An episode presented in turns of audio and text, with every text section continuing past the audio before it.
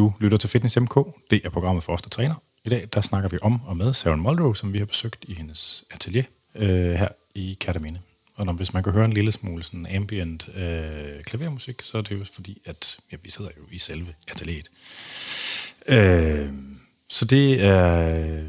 Ja, i Fitness MK snakker vi om vores krops- og træningsliv på mange måder. Og ja, når jeg sidder her hos Sharon, så er det også fordi, at på, mange, på, på nogle måder, så var hun øh, sådan en del af min første sådan ekspon, rigtig eksponering sådan for bodybuilding, fordi at øh, jeg var til, som teenager, der har jeg været til nordisk eller skandinavisk mesterskaber i bodybuilding i Brands Glædefabrik i Odense, hvor som var den første gang, at jeg så de her kroppe, som ligesom findes i den her sin egen lille boble. Og det, jeg tror også, jeg tror, Saren var den første øh, kvinde, jeg så, der sådan havde muskler. Øh, og det var jo meget, altså det var, det var, um, det var meget imponerende. Sådan. Det, det, øh, det, det, altså det var en speciel oplevelse. Både de der mænd, altså man havde en fornemmelse af, når, når der kom en ind ad døren, så blev det sådan lidt mørkere i rummet, fordi ligesom at øh, der, de to skyggen, ikke? og sådan, det, det var, ja, øh, så det var, sådan, det, det var en oplevelse, der har påvirket mig meget øh, i resten af mit liv. Og så det, øh, jeg glæder mig rigtig meget til at snakke med Søren. Dagens afsnit det er præsenteret i samarbejde med BookBeat. BookBeat det er en lydbogs- og e-bogstjeneste, øh, og de har været så søde, at de har lavet en rabatkode til Fitness MK's lyttere, der er Fitness MK.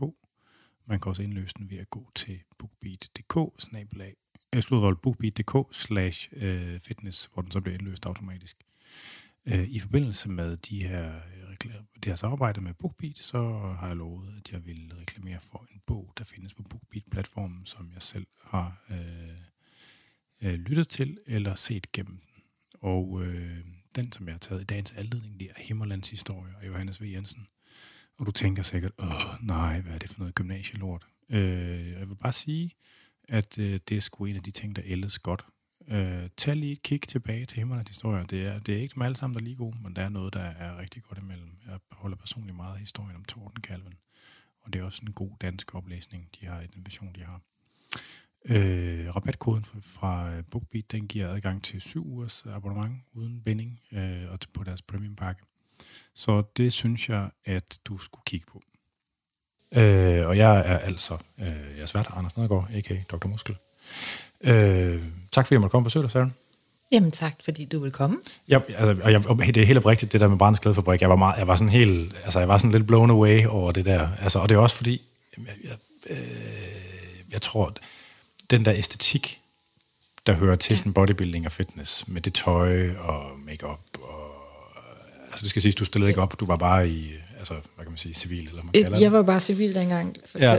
Jeg, jeg kan ikke huske noget sådan rigtigt fra det, men, men uh, jeg, jeg, jeg, jeg, jeg tog til mange stævne, også som tilskuer dengang. Uh, ja. Det gjorde man jo for at, at supporte hinanden.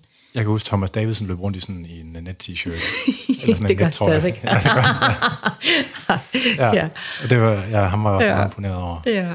Øhm, det var, ja, det, var, det var virkelig sådan, det, det har påvirket mig meget. Hvad hedder det? Forhåbentlig positivt. Ja, altså det er jo...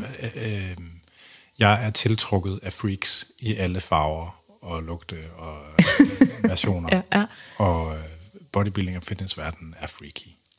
Ja, ja, men den, den kan virkelig godt, altså, den kan godt stikke af. Og det der med folk, der vælger at leve deres liv på en måde, som alle andre mennesker ikke forstår, det har en ja. afgrundsdyb respekt for. Ja, Altså, øh, så er der også, også nogle ting omkring bodybuilding og fitnessverden, som er helt, som er, altså, som er dysfunktionelle, ikke? hvor man normaliserer nogle ting, der virkelig er usunde. Og, altså sådan, ja, ja, ja. Øh, altså sådan, du vil tænke på alt det, der spiser noget, altså kostadfærden, ikke? Udefra, så ser det jo spiseforstyrret ud. Men hvis alle ens venner dyrker det samme alligevel, så er det ikke noget problem. Jamen, så, så er der ikke noget problem, ikke? Men, men, men ja, det kan da godt tage over, det kan da godt være ekstremt, og så videre, og så videre. Men, men det er jo en del af det, og det er jo bare det, der skal til i en periode. Ja. Øhm, og så er der jo dem, som, som bare lever efter det 24-7. Ja. ja. Og ikke kan slippe det ja. indimellem. Der er nogen, der trives med det også. Jeg ja, ved, ja, ja. Altså Peter Lagermann, han, var, var han begyndt at konkurrere dengang du... Øh, ja, det tror jeg, han var Han startede med noget fitness... Det gode gamle de gode gamle dage. Han har, jo, han har fortalt, at han, har, han, har simpelthen, får sådan en lille smule angst, når ikke han er på en kostplan. okay. Altså det, det er bedst for ja. ham, når ting ligesom når er i sådan et system i, ja. og sådan en ramme. Og det kan så godt være, at han måske ligesom bare er, er en lille smule autist eller OCD eller sådan et eller andet, der gør, at han trives bedst i det. Ja, ja altså, det er jo nok også sådan, som man har det som person, øh, men, men det kan virkelig godt gå hen og tage over. Jeg vil så også sige, den måde, man kigger på sig selv på, selv mange år efter, ja. øh, er jo det lidt... Ja, ja, jeg ja. tænkte, tænkte nok, du havde noget op i ærmet med det. Men, men der er mange ting, man tager med, ja. øh, som, ja, når jeg sidder og tænker over det, øh, sådan ting som mælk, det drak man jo ikke, eller når man var på diæt og sådan ting, og det drak jeg jo ikke dengang. Og, og, og det gør jeg faktisk heller ikke nu. Ja. Og, og, og det er bare for at nævne en lille ting. Og ikke fordi jeg ikke kan lide mælk. Jeg bruger også mælk i min, øh, hvis jeg skal bage eller lave andre ting, hvor der kræves det var en lille mælk. Men, men det er ikke det, jeg bruger, fordi det, det valgte jeg bare fra på det tidspunkt. Øh, fordi ja. der er jo de ting i, som man ikke har brug for, især ikke som kvinde, når man skal stille op og så videre. Ikke? Men det har bare været sådan en ting, som man har lagt på hylden, og aldrig genoptaget det igen. Ja. Øh, og det er bare for at nævne en ting. Jeg kan forestille mig, at der er jo mange andre ting, som, som når man har levet med det i mange år, så bliver det bare en del af ens hverdag. Ja. Og, ja. Men dem, der, altså dem, der øh, ikke har fulgt med i, eller sådan, ikke sådan kender fitness eller bodybuilding overhovedet, hvem, hvis du skulle fortælle øh, om din sådan, fortid til sådan en, hvad, eller hvem er Sharon Muldrow? Oh, Sharon Muldrow, hun er en øh, nu lidt aldrende kvinde, men dengang en øh, ung pige. tak skal du have. Øh, en ung pige, som øh, elsker at konkurrere, ja. og øh, blev opfordret til det af en, øh, en, en ven, som jeg, som jeg gik med i 80'erne. Han var DJ, og jeg var kommende DJ okay. på et diskotek. Øh, og så hang vi sådan lidt ud i, i hverdagene, og så skulle han altid til træning. Og jeg havde det sådan, jamen træning, hvad, hvad er det, du laver? Jo, men han vægttrænede. Vil du ikke med, siger han så. Jo, jo, så tog jeg med op og kiggede. Så jeg sad ude i receptionen meget pænt og kiggede ind på alle de her store fyre, der gik og, og styrketrænede, og synes egentlig, det var ret fascinerende. Hvor er vi henne? Er det, er det slut 80'erne? Vi er i 1982. Hvad årgang Start. er du? 64. Okay. Ja, ja, ja. så ej, det var sgu øh, starten af 80'erne. Der, der var kvindelig bodybuilding lige startet op ja, ja. herhjemme, så det, det var meget, meget nyt. Øhm, men jeg tog med, og jeg sad ude i receptionen og kiggede, øh, og blev meget fascineret af det, og tænkte, det der, det, det vil jeg sgu gerne. Så spurgte jeg ham, om, om jeg måtte tage med. Træningsdelen. Træningsdelen, ja. ja. Ja, fordi det, dengang, altså på det tidspunkt, hvor jeg sad og kiggede ind, der var jeg ikke rigtig klar over det der med at, altså, at stille op og sådan nogle ting. Det var ikke det, der var formålet med det. Ja. Kan, kan, vi, kan vi tage den korte version? Fordi mm. så tager vi den lange version. Jeg er nødt til, at lige skal have sådan en skiller ind, før vi går videre til mm, resten. Ja. Så, så hvad er den korte version af, hvem Søren Muldrow er? Øh, en meget målrettet, øh, konkurrencemindet person. Perfektionist. Og Miss Fitness Olympia. Og Miss Fitness Olympia, ja, ja, ja. Ja, ja, ja, ja når nu vi skal. Altså. Men det skal med. Nu, nu kan ja. se, at uh, Søren, hun har fundet medaljerne frem, de ligger herovre. Det er meget sjovt at se dem i virkeligheden. De er meget store. Og du skal sætte pris på det. Du er en af de få danskere, som har set de her, og så oven i købet tre af slagsen ja. in real life. Ja. Altså, der er jo vel kun... Øh, det er vel kun dig og Helen Nielsen, der har vundet en Olympiamedalje fra Danmark, er det ikke? Ja. Er det ikke det? Jo. Der er ikke nogen mand altså nu, nu, nu, den Helle har vundet, det er jo så... Det er bodybuilding. Ja, og ja. så er det jo, det er jo ikke lige den her, men jeg, jeg, ved, jeg ved ikke rigtig, hvordan de der konkurrencer, de hænger sammen. Jo, nej, nej. Men det er lidt ja, noget parallelt med.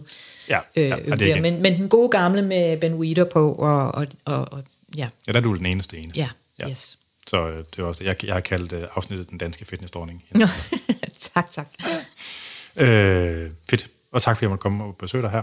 Til jer, der lytter med derude, øh, der kan man selvfølgelig som altid skrive ind med spørgsmål eller forslag til nærværende eller tidligere programmer, og det kan man på afn eller på programmets Instagram eller Facebook-profil, og de hedder begge to Fitness MK, så det burde være til at finde.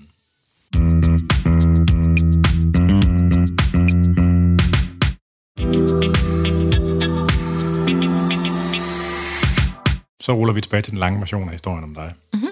Fordi øh, den første gang, du, når man søger på dit navn, øh, så tror jeg, at det første, der dukker op, det er noget med at danse hiphop i Thomas P. Ejles ungdomshus. Ja. Er det før? Er, er det, du snakker om her? Øhm, nej. Det... Det er 84, var det ikke? Der var ikke noget i... Nej, undskyld, vi skal da, vi skal da længere tilbage. Nej, Det er sgu god nok. 80'erne, det, det, 80'erne, det var jo Ja. ja. hip-hop og, og breakdance. du, du vandt det der. hiphop. ikke? Mm. Ja. Jeg mener, der står... Jeg prøver at, prøve at se, hvad der står på den der pokal, jeg vandt nede på Amager Strand. Øh, og den, den mener altså, der står 84. Ja. Jamen, det gør det også. Det gør det også. Det passer meget godt med, at jeg startede med at træne der i starten af 80'erne, og så havde det der øh, Electric Boogie. ja. Ej, altså, jeg har en datter på 12, og hun, øh, hun har sådan været meget fascineret af hele den æstetik, der er omkring det her Stranger Things tv-serie. Og sådan noget. Hun, vil- hun siger, hun vil bare så gerne have oplevet 80'erne, ikke? Ja. Og det kan jeg sgu egentlig godt... Øh, Ja. Um, 80'erne, det var jo en fed tid. Det, ja. det, det, og vi vidste det jo ikke dengang. nej. Vi var jo, vi var jo bare i det. Øh, og jeg har da godt set tilbage, altså, at det kunne bare noget. Det var meget, øh, der var mange ting, der var så nyt, og ting, der, der blev formet, og der, der lagde jeg grundstenen for mange ting i dag og sådan noget. Ikke? Altså, det, det var bare en, en suveræn tid. Ja. Det var det virkelig. Musikken, og ja. Vi så dumme ud, men øh, sådan er det så meget. Ja, og jeg kan sagtens... Øh, jeg, er lige, jeg er jo årgang 78, så jeg er lige lidt for ung, og så boede jeg jo i fucking skærn, hvor øh, der ligesom ikke skete sådan helt vildt meget. øh, men, men hvis man ruller endnu længere tilbage, dit efternavn og sådan, og du har jo en lille smule øh, twang i dit øh, sprog også, der er noget amerikansk ophav et eller andet sted. Hvordan er det med ja, det? jeg er født i Los Angeles. Okay. i Hollywood, nærmere betegnet. Hvis det skal nice. være helt rigtigt, så står der på min fødselsattest, fødselsattest Hollywood. Så du har amerikansk statsborgerskab stadigvæk? Eller? Ja. Okay. Og hvad, hvad, hvad er konstellationen? Er det en dansk mor og en amerikansk far? Eller? Dansk mor og amerikansk far. Okay. Og hvor lang tid boede du i USA? Øh, kun til jeg var 11 år. Okay. Så det er ikke fordi, jeg har den store... Øh, jo, jeg kan selvfølgelig godt huske mange af de sjove ting fra min barndom, jo ikke, når vi var i Disneyland og alle de der ting, du ved, ikke? Men jeg fløj, jeg var faktisk meget frem og tilbage, øh, fra jeg var tre måneder af, var jeg i Danmark første gang. Okay. Og så løbende, du ved, en gang hver, hvert år, eller hver andet år, eller sådan et eller andet. Så det har været meget frem og tilbage, men som øh, fastboende som 11-årig. Var du eksponeret for noget af hele den der fitness bodybuilding ting som barn? Ja. Hvordan? Min far, han var professionel fotograf. Oh. Og han... Hvad hedder han? Win Muldrow. Ja.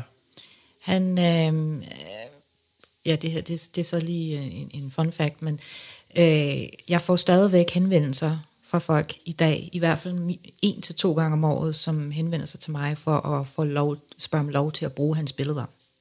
Han var meget kendt på, på det tidspunkt i 60'erne og 70'erne. Hvad fotograferede han? Han fotograferede øh, mest sport, altså motorsport, men også kendte. Okay. Okay. Sammy Davis Jr. og ja, alle de der stjerner, der var dengang. Ikke? Men han Ja. var sort-hvid fotograf, øh, så han lavede mange forskellige ting, mange forskellige opgaver. Og han var selvstændig og havde sit eget studie og sådan noget. Øhm, men lige for at komme tilbage, så øh, lavede han en fotoserie, eller nogle fotoseries fra Muscle Beach, Ja. med de gode gamle 70'er Dave Draper. bodybuilder og- og, og så videre. Ja. Og jeg kan huske, når han kom hjem øh, og skulle sortere ud i de her fotos, så havde han sådan et system med sådan en kasse, hvor alle negativerne, de lå i, og de var nummereret, og de var ditten og datten. Så havde man jo de her pro, eller prøveprints Ja. i, i sorte-hvid, og så fulgte jeg jo med i, ah, den og den og den, og så kom han hjem med de rigtige print, prints Ja. øh, på de her billeder der, ikke? Og jeg var jo vildt fascineret af de der kæmpe bicepser med blod over alle vejen. Øh, så jeg tror et eller andet sted, når jeg sådan tænker over det, at, at, det har måske været det, der har bare gjort min... Øh, nej, men det var da noget af det mest normale. Agtigt. Ja. Øh, uden at tænke så meget i detaljer over det, fordi som sagt, så havde jeg bare, jeg, jeg gemte dem, han, han lavede dem, og så fik jeg dem, så havde jeg dem hængende inde på mit værelse. Ja. Jeg kan ikke huske, hvem der var på dem. Det kan også lige så godt være, at det var et billede af Schwarzenegger. I don't know, jeg kan ikke huske det. Nej. De findes stadigvæk. Nej, det gør de ikke, desværre. Nå. Så dem har jeg ikke. Det kunne ellers være sådan noget, Ja, ja, det det kunne, kunne, collectors item. ja, eller andet. ja, det kunne været ret sejt, men det, det er ikke noget, jeg har fået med mig, desværre. Ja. Men det er meget spøjst, at du som, altså, som barn i virkeligheden har syntes, at det var... Altså, det kunne et eller andet, det der. Ja, Øhm, jeg, jeg, jeg så Jeg har lige talt om på det. det. Nej, Hvad det var, eller sådan, hvad, hvad, hvad, sjovt. ja. Det var bare en, øh, en, en fascination af, af de her kroppe. Jeg, jeg ser stadigvæk billedet, eller billederne for mig, når jeg sådan tænker over det. Mm. Øh, men det, det havde ikke noget med kvinder at gøre. Det var jo bare mænd, fordi der var jo ikke rigtig nogen kvinder, der trænede. Øh, Nej, nej, nej. Sådan i hvert fald, der, der var eksponeret på den måde der. Men, Nej. Ja. Og det er også den fascination, tror jeg, jeg har fået ind i, igennem modermælken, at min far var fotograf. Jeg, jeg elsker jo sort-hvide billeder. Ja. Øhm, og det er også derfor, når du kigger rundt i galleriet, så har jeg jo også nogle sorte-hvide billeder, som mm. jeg har malet, hvor de kroppe, der er på, er også lidt øh, fitness-inspireret. Altså, det er ja. Jo ikke store bodybuilder. Men der er også flere skygger på, og de har sådan, der er lidt mere liv i det på en eller anden måde, ikke? Jo, jo, men helt sikkert. Og, Ja. ja. og hver gang jeg maler et, et nyt billede, så, så, så er jeg stensikker på, at der er altid nogen, der spørger, nej, er det dig selv? Det har været en stående joke det sidste år, for hver gang jeg smider et billede op på Facebook, så siger folk, ej, er det et selvportræt? Er det selvportræt? Nej, det er ikke et selvportræt. Jeg kan ikke gøre for det. Jeg har bare de der øh, sådan, det kropsbilleder øh, fuldstændig printet ind på min nethinde, at når jeg, når jeg maler en, en nu er det hovedsageligt kun kvindelige figurer, jeg maler, men når jeg maler dem, så har de altid en, man kan se deres mavemuskler, eller de har nogle former på armene, eller jeg, jeg, jeg har svært ved bare at male en, en et ganske almindelig figur, uden at øh, det stikker lidt af i den veltrænede retning. Ja. Ja. Ja, men det er jo... altså, jeg tror bare, at det er sådan lidt... Øh, man tænker på de der romerske, altså de der statuer fra antikken, ikke? Ja, ja, jamen de er jo, De jo alle sammen ripped. fuldstændig øh, perfekt anatomiske, sat Ja. sammen og symmetriske. Altså, og spørgs, ja, det, det, så du er ikke den eneste, der Nej. der. Altså, Nej, det, der undrer mig mest ved de der statuer fra antikken, det er jo, at nogle af dem, de er virkelig jacked. Ja, Hvordan har de der folk, der lavede skulpturerne, vidst, at mennesker kunne se sådan ud? det er faktisk et rigtig godt spørgsmål. Altså, Det fordi er der må have været nogen. Men hvis man tænker på, hvis de, nu arbejdede de jo ret hårdt, de slæbte jo fandme sten og slaverne og alt Jo, det jo. der, så tænker jeg på, at de må have, måske have opbygget den der øh, både altså muskalitet og så styrken, fordi de har bygget pyramider. Altså der skal jo noget til at hive sådan en sten op på... Øh, Ja, jeg tror, dem, dem med pyramide, pyramiden, de fik bare lov til at dø, tror jeg. ja, de døde hen ad vejen, men, det var- altså, men stadigvæk. Jo, altså, jo, godt men- var de flere tusind om det, men det, det, det kræves jo noget styrke alligevel for at kunne arbejde på den måde, de gjorde på, og udrette ja, de ting, tror, som altså, de pyramiden, det er jo så lidt før den græske og Ja, ja, pyramiderne og grækerne og alt det der, de har jo altid været afbildet øh, flotte. Ja, men man kan sige, ja, men, det- men det, altså, der må være nogle folk, der har tid til at opbygge en krop, sådan ud, for Ja, ellers så ja. kunne de ikke vide, hvordan det skulle se ud. Nej, præcis. Og det, det synes jeg er meget sjovt. Så, men du er ikke den eneste, der har det der med, ligesom, at de der former skal være der. Nej, Jeg har også været øh, ramt af det sådan i billedkundskab, og sådan, du ved, når man skulle bygge ting i ler og sådan noget, så kom Ja. der altid flere buler på, end man øh, Ja. havde troet først. så jeg kan, sagtens, jeg kan sagtens sætte mig ind i det. Ja. Øh, så det, det næste trin, sådan, altså sådan i der retning mod det, det, den, den måde, som dit træningsliv blev, var, var det, altså det der danser noget, begyndte det før styrketræning? Så, eller hvordan, Øh, jeg, jeg tror, jeg startede med at, at styrketræne. Det gjorde jeg der i, i 82, og så stillede jeg op første gang i 83, og så kom Electric Boogie-bølgen til Danmark, Ja. hvor jeg så hoppede med på den, og det, Så det du, var... du dansede ikke rigtig før det? jo, hvad? jazzballet. Nå, Jeg har altid danset. Okay. Okay. Altid lavet en eller anden form. Som, som helt lille pige, der, der, der gik jeg til ballet. Øhm, og så har jeg danset jazzballet. Altså holdt mig kørende ja. på den måde der. Øh, og så kom boogie bølgen til Danmark, og så hoppede jeg lidt med på den, og det, jeg, jeg, jeg synes, jeg har en pokal, hvor der står 84 på. Ja. Så jeg, det var i 1984, så jeg sprang ud der som, øh, med hvide handsker og sort smoking Nice. og Kina Ja. futter. og øh, ja, og så tog jeg den til mig. Øhm, og var, kan man sige, dengang, der, der var medierne rigtig gode til at bruge os. Altså øh, i reklamer og forretninger som levende mannequiner. Og jamen, altså, jeg var jo alle vejen med et par år med hensyn blev du selv opsøgt, eller var der nogen, der ligesom... De opsøgte selv, ja. Fordi øh, den, den første konkurrence, du stillede op i, hvad var det? Det var øh, DM i Electric Boogie, Okay. som foregik hos øh, Miki Fri Pedersen på Amagerbrogade. Selvfølgelig. Ja. Øh, Men der, der, der, der, der er i hvert fald, når man, når man googler dit navn, så dukker du op i forbindelse med DM i hiphop også. Men det, er det senere end det? Vi Thomas P. Ejles Ungdomshus? ja, nej, det var, et- jeg ved ikke, hvorfor jeg florerer der, fordi der var jeg ikke med i. Jeg, jeg stillede så op i det, der hed DM Revanche, som var inde i, øh, i Alexandra, Okay. inde i København dengang Alexandra var. Spøjst. Ja, og der var vi i 62. Der var 60 drenge og to piger. Og det, det var altså det, der hed DM Revanche. Jeg har aldrig været med i hiphop eller noget som helst. Sjovt. ja. kan vide, hvor det, om det er Jamen, en jeg ved det ikke. personsammenblanding? Jeg, eller... jeg, jeg ved det ikke, fordi jeg, jeg, jeg, jeg mindes ikke, jeg har været i nærheden af det. Nej, nej men så er det nok øh, sjovt. Nå, jeg kan lige prøve Men at det, var, det bagefter. men det var der, kan man sige, hvor øh, man kom dengang, Ja, ja. I, især inden for hiphop-verdenen, at man Ja, sådan ja. erfaret bagefter. Men øh, der kom jeg ikke. Jeg gjorde egentlig ikke så meget ud af det, inden jeg, jeg stillede op til de der to konkurrencer, der var. Øhm, og så ellers så blev ringet op af Gud og hver mand, kan du ikke gøre ditten, kan du ikke gøre datten? Jo jo, så, jeg så, så jeg var bare med. Ja. Blev ovenikøbet inviteret på et tidspunkt ned til Roskilde Festivalen og skulle optræde. Øhm, og der kan jeg huske, jeg tror, jeg var så ung der, min, øh, min mor, hun sagde snart, nej, det kan hun ikke, fordi jeg var ikke, jeg var ikke fyldt 18 endnu, eller sådan noget, jeg var ikke så gammel. Så, Det var lidt for meget men, øh, ja, ja, men ellers så skulle jeg øh, optrådt medvirket på øh, et eller andet, kan jeg huske bare, det var Tom McEwen, der ringede op. ja. Nice. ja, ja, men altså, jeg kan så ikke huske, hvad det gik ud på. Jeg kan bare huske den der opringning. Roskilde Fe- Festivalen, øh, nå, hvad er det? Agtigt, altså, ja. Ja, ja.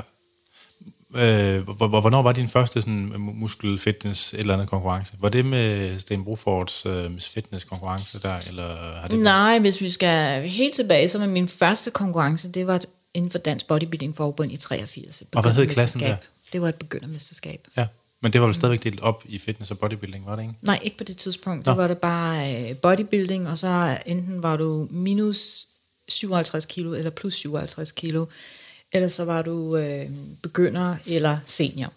Okay. Og det, det- det, var det også dem, der var i Tinghallen i Viborg? Ja. Ja, Tinghallen har været til nogle stykker af. Ja, ja, ja. Hvad for et år var det? Jeg var vist med i Tinghallen i, kan det passe i 86? Okay. Muligvis 86, tror jeg nok. Ja, for at være 100% sikker. Der skal vi nok finde nogle arkiver frem, men, men, Det- ting, nå, men det er jo- ting, Tinghallen har jeg, den ringer en klokke i hvert fald. Ja, alle de begy- begyndermesterskaberne, ja. de første mange, mange år, det var i Ja. Tinghallen, der i Viborg. Ja. Det var ligesom, når man skulle op og se dem, så skulle man, jeg kunne aldrig huske, hvor Tinghallen var henne, så skulle man bare lede efter de der bitte små biler, fyldt med kæmpe store mænd, og så skulle, man, så skulle man følge efter dem, indtil man ligesom var fra. ja, ja. Åh, oh, godt. Ja, og det var, det var wild times dengang. Men jeg, jeg stillede op i Græsted. Der, hvor jeg var med til mit begyndermesterskab, det var helt oppe i Nordsjælland. Det var oppe i Græsted. Nå, men har det været under det danske bodybuilding og fitnessforbund også? Mm. Okay. Ja. Hmm. Det var først i 92, at jeg var færdig med Dansk Bodybuilding Forbund. Altså, at fitness kom på banen, eller figur. Ja. Øh, hvor man i øh, NABA, for eksempel... Øh, Et andet forbund. hvad siger du? Ja, er det jo bare til lytterne, at det er et andet ja, forbund? det er et andet forbund, ja. At de, øh, de havde den her klasse for øh, fysikklassen, det, det var for ganske almindelige øh, bodybuilder damer. Og øh, så var man jo begyndt stille og roligt og, og, og, og have de her klasser, hvor, hvor pigerne skulle se lidt mere feminine ud. De skulle ikke stå og, og spænde muskler lige så meget, som, som øh, fysikpigerne skulle. Øh, og der blev jeg opfordret til at prøve at stille op i det. Så skiftede jeg så forbund og øh, hoppede med på vognen der. Og var, ja det var kun halvanden års tid eller sådan et eller andet, fordi jeg, øh, jeg gik ind og, og vandt alt, hvad jeg kunne inden for Ja. meget kort tid. Okay. Øh, og så efter det, så mener jeg, at det var 93, at så øh, Sten Brofort og Lise Frost Larsen, de lancerede Miss Fitness. Ja. Og fitness, det var sådan lidt mere, hvor man skulle også vise, hvad den her krop, den kunne bruges til. Så vi var ude på forhindringsbaner og løbe øh, til den første konkurrence. Og efterfølgende, så blev de jo lavet på scenen, så det var en del af underholdningen, hvor der blev lavet en forhindringsbane, hvor man skulle løbe rundt på tid. Og til de internationale konkurrencer, så blev den der del øh, skiftet ud med for eksempel romaskinen eller trappemaskinen eller Ja. nogle andre øh, fitnessmomenter, hvor man skulle vise hurtighed og styrke. Ja, det var jo sådan på en mange måder, så det var det sådan lidt øh, foran sin tid egentlig, fordi man kan jo se, at de der elementer, de er jo så kommet ind igen mm. i de der konkurrencer, eller der er kommet nogle klasser med de der elementer inden for de sidste 5-7 år. Ja, Så der er jo været en lang periode, det har været væk, og så er det nu, nu er det ligesom kommet ind så er igen. det kommet ind igen. Ja. Det var en stor del af underholdningsværdien i de her konkurrencer. Altså det var jo det, var øh, det som, som folk, altså jeg husker det som at være den del af konkurrencen, hvor folk var mest øh, op at køre på, fordi de sad jo og hæppede, og pigerne, vi løb jo igennem og skulle konkurrere på tid jo, ikke? Ja, ja. Så salen kogte jo, fordi man hæpper jo på den, man Ja. gerne vil have, der skal vinde, ikke? Og man, uanset hvad, så hæppede folk jo bare, ikke? Og vi styrtede jo igennem, og lige pludselig, oh, så var der en, der faldt, eller snublede, gjorde et eller andet, du ved, ikke? Og lige mistede øh, øh, grebet i, i noget, du ved, ikke? Ja. Altså, der var jo spænding til den store guldmedalje, jo, ikke? Jo. Var der fri program i dem også? Ja. Okay. Der var jo tre runder, så der var jo kropsdelen, og så var der så øh, forhindringsbanen, styrkemomenterne, og så, hvad hedder det, øh, ens fri posering. Ja. Eller rutine, som skulle indeholde nogle forskellige elementer også, ikke? ja. Da du begyndte at træne, altså sådan lave styrketræning, hvad var det for dig? Altså, er, er det det her element af, ligesom, at det er meget kvantificerbart, at der er nogle tal, der flytter sig, eller er det sådan den der måde, man retter opmærksomheden på sin krop, mens man bruger den, eller hvad var det ligesom, det var for dig? Det var for at gøre noget, ingen andre piger rigtig gjorde. Okay. Det var bare for at være, gøre noget, der var lidt anderledes. Ja. Øh, jeg var jo ikke så gammel, da jeg startede. Nej. Øh, og sådan, du ved, for lige at spole tilbage til ham, som jeg gik med. Øh, det var bare fascin- fascinationen af at, at gå ind og løfte de her tunge vægte. Øh, og bare gøre noget, som der ikke var så mange andre piger, der gjorde. Mm. Øh, og så blev jeg jo opfordret til at, at være med i det der begyndermesterskab. Hell ja, tænkte jeg bare, hvorfor ikke? Altså, jeg er jo lidt af konkurrencemenneske, når det kom til stykket, jo, ikke? Men det der med at stille sig op i en bikini på en scene, er trods alt også en ret vild ting for de fleste, ikke? Men du var måske Ja, vant til at performe lidt i forbindelse med dans. Altså var der sådan noget af det jeg har performet hele mit liv. Ja. Altså fra jeg gik i øh, skole i USA som, som bedte pige, og var altid den, som enten skulle synge solo øh, ved de her skoleoptrædener, eller være med i, i, i de her små danseshows. Du ville gerne stå forrest. Jamen, jeg har altid været, altid været performer. Ja. Altså, hvis jeg ikke har siddet her i Katamini i mit lille galleri, så har jeg helt sikkert været et eller andet øh, superstar i Hollywood. Det, det har jeg altid bildt mig selv ind. Ja, ja. Så, men jeg valgte Katamini i stedet for. Jeg fandt også, det er også meget, det er meget hyggeligt. Meget fin, hyggelig lille by. Ja, men det er det der, det er det. Ej, øh, spøj til side, jeg har altid haft et eller andet øh, ønske om at optræde. Ja. enten på den ene eller den anden måde. Og det, som sagt, det har jeg gjort lige siden barn, altid haft en, en finger med i spillet, hvor der skulle øh, danses og synges, og ja, så, så, så det... Ja. Jeg har altid troet, at det skulle være noget, som jeg på en eller anden måde skulle... Øh, at det var bare mit kald. Ja. Det blev det så ikke, men øh, det er jo så min egen skyld. Jeg har været lidt for tilbageholden, og egentlig lidt generet, når det kom til stykket til at gå hele vejen. Det, det er faktisk også en historie, jeg har hørt flere gange fra mange af dem, der er stillet op. Altså, at der er den der spøjse kontrast mellem øh, altså være, som, i virkeligheden være en lille smule introvert, lidt en lille smule indadvendt, mm. og så det der performative element. Altså, Ja. Da jeg så begyndte at stille op, og da jeg begyndte at vinde, så havde det sådan, åh, okay, det var måske det, jeg havde en fornemmelse af, at jeg skulle være god til i mit liv, og ikke det, som jeg egentlig troede, at altså den vej, jeg ville gå, at jeg skulle i showbusiness. Fordi det er jo, altså jeg fik jo muligheden for at optræde. Jeg fik muligheden for at blive, være nummer et i verden, og, og, og have den opmærksomhed, som følger med det. Øhm, og det, det, det, det slog jeg mig til tås med, og tænkte, jamen, så var det det, der var mit kald. Det var sgu ikke det der med at skulle op og vinde en Oscar. Det var at, at skulle vinde, åbenbart, en medalje og blive verdensmester. ja. Øhm, så, men jeg har altid haft et eller andet, øh, jeg husker, jeg, jeg sagde helt fra jeg var barn, jeg skal nok, jeg bliver nummer et, jeg bliver øh, god til det eller andet en dag, som jeg bliver nummer et i verden, eller, ja. og jeg troede bare, det skulle være en Oscar. Ja. Så jeg har altid... Du har nok mere, man har nok mere indflydelse på selv at få en Fitness Olympia medalje, end på at få en Oscar. Ja, Der er og- nok noget politik, der... Der er også noget, noget politik, men du stadigvæk, du er herre over din egen skæbne. Hvis du Ja. vil være skuespiller, og du brænder for at være det, så går du også efter guldet et Ja. ja. eller andet sted. Ikke? Ja, det ligger sig i nogle andres hænder, hvem der så får den, når det kommer til stykket, men jeg tror, at de folk, der, der ved det øh, og går efter det, det er også dem, som, som sidder hvert år og enten er nomineret, eller er kommet dertil, hvor de gerne vil være i livet, med hensyn til Ja, ja. skuespilleriet. ja, ja. Da, da du startede med at træne, hvor var det henne? Hvor, altså, hvor boede du hen? Øh, jeg boede på Amager. Okay. Og hvor trænede man sig hen, når man begyndte at lave styrketræning? Jeg trænede i København i noget, der hedder... Øh, det hedder ikke Kompanistræde. Hvad, hvad pokker var det, det hed? Øhm, jeg kan ikke lige huske det, men det, det, det var en lille sidegade ind til Kompanistræde. Øh, ja. Ja. Jeg ved godt, hvad det er for en, du tænker på. Øh, men jeg kan ikke heller ikke huske Det var øh, Bill Wellers, som også var amerikaner, som Ja. ja. ejede det. Ja, ja.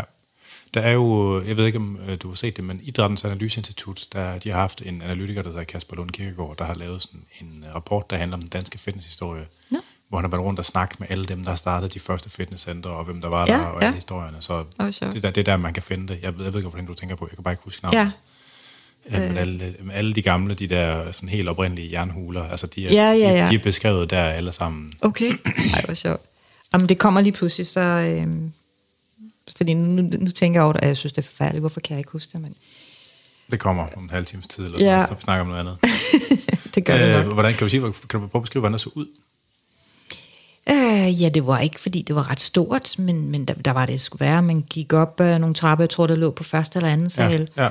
Øhm, kom ind i en lille bitte reception, hvor der var øh, på venstre side damernes omklædningsrum, og skråt over til, til venstre, så lå der herreomklædning derinde. Og så gik man direkte ind i, øh, i træningslokalet, som, som faktisk ikke var U-formet, men L-formet. Ja. Ja, så gik man ind, og så drejede man sådan med, lokalet rundt til venstre. Var det sådan en med hjemmesmede maskiner? Det var lige før. Det var lige før. Men det var der mange af de første centre, der Ja, ja men, men de her, de var, øh, det var ikke hjemmelavet. Nej. Nej. Men det kunne godt have været. Og da du begyndte at træne, hvordan, øh, hvordan altså, øh, oprindeligt så voksede bodybuilding ud af vægtløftning som mm. kultur. Ikke? Så der var, mange, der var mange, der dyrkede vægtløftning, før, Ja, ja. før der var fitnesscenter, fordi de gerne ville være store, i stedet for at gerne ville være gode til vægtløftning. Det var simpelthen bare det sted, hvor man kunne gøre det.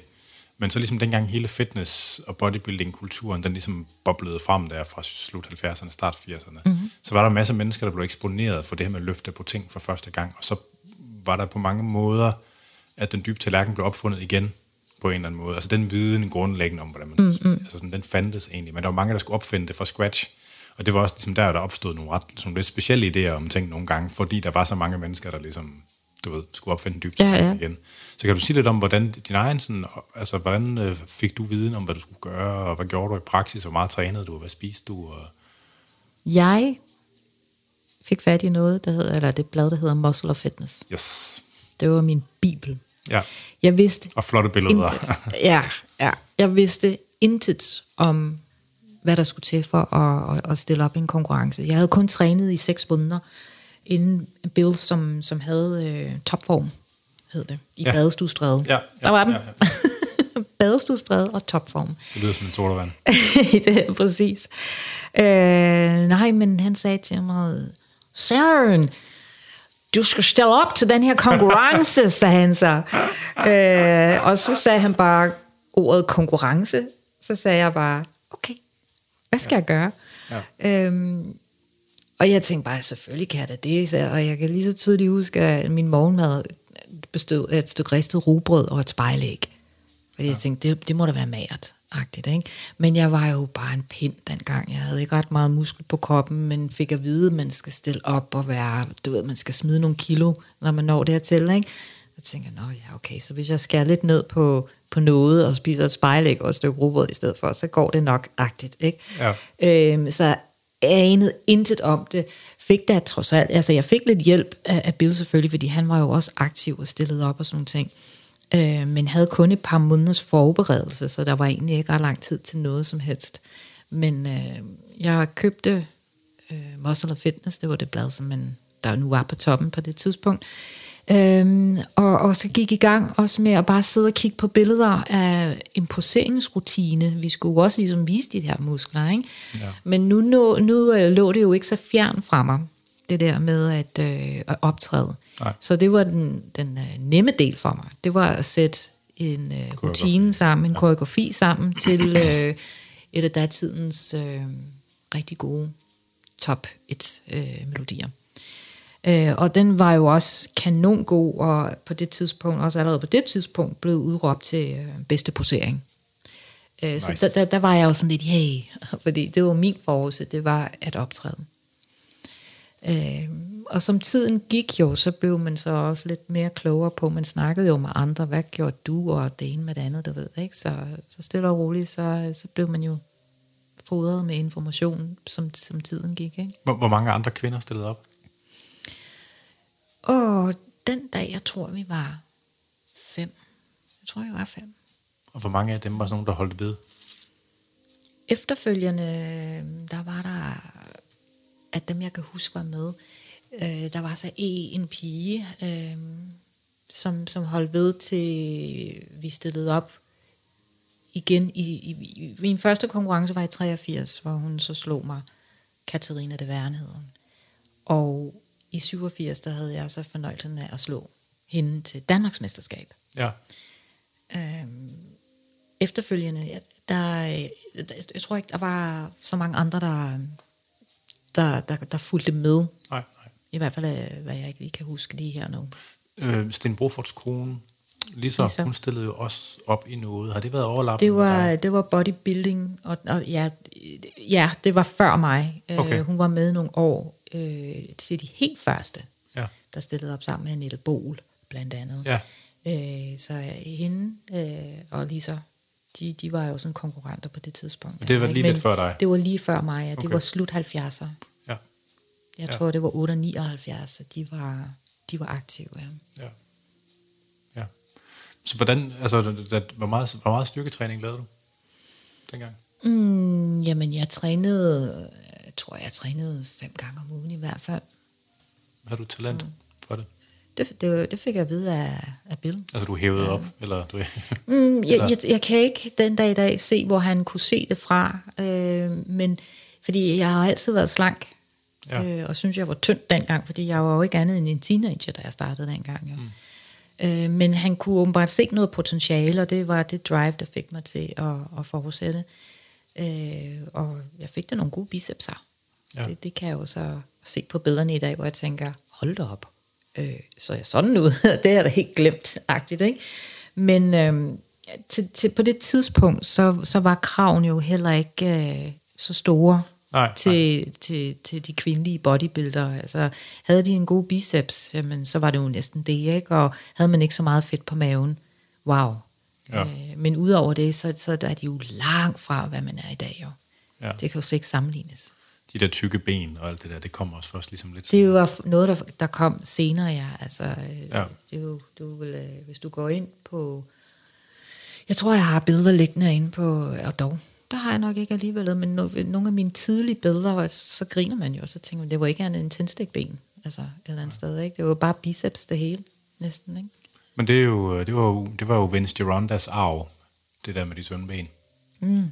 Det var jo... Øh, øh, altså det siger man, det var ligesom ham, der prægede hele bodybuilding-kulturen i starten til det der, altså ligesom med, at, at man skulle sådan have tynde ben, så man kunne ligesom, Så så, ens taber, det så voldsommere ud. Altså, ja, men øh, det faldt jo så hurtigt til jorden åbenbart, ikke? Fordi nu, nu, nu var det jo den der vipsetalje, ja. man skulle have, og hofter, skulder, alt det skulle være proportionelt øh, st- stå i forhold til hinanden jo, ikke? ja. Var, du, var du så i minus 57 der? Jeg var i minus 57, ja. Ja. Hvor høj er du? Øh, 71.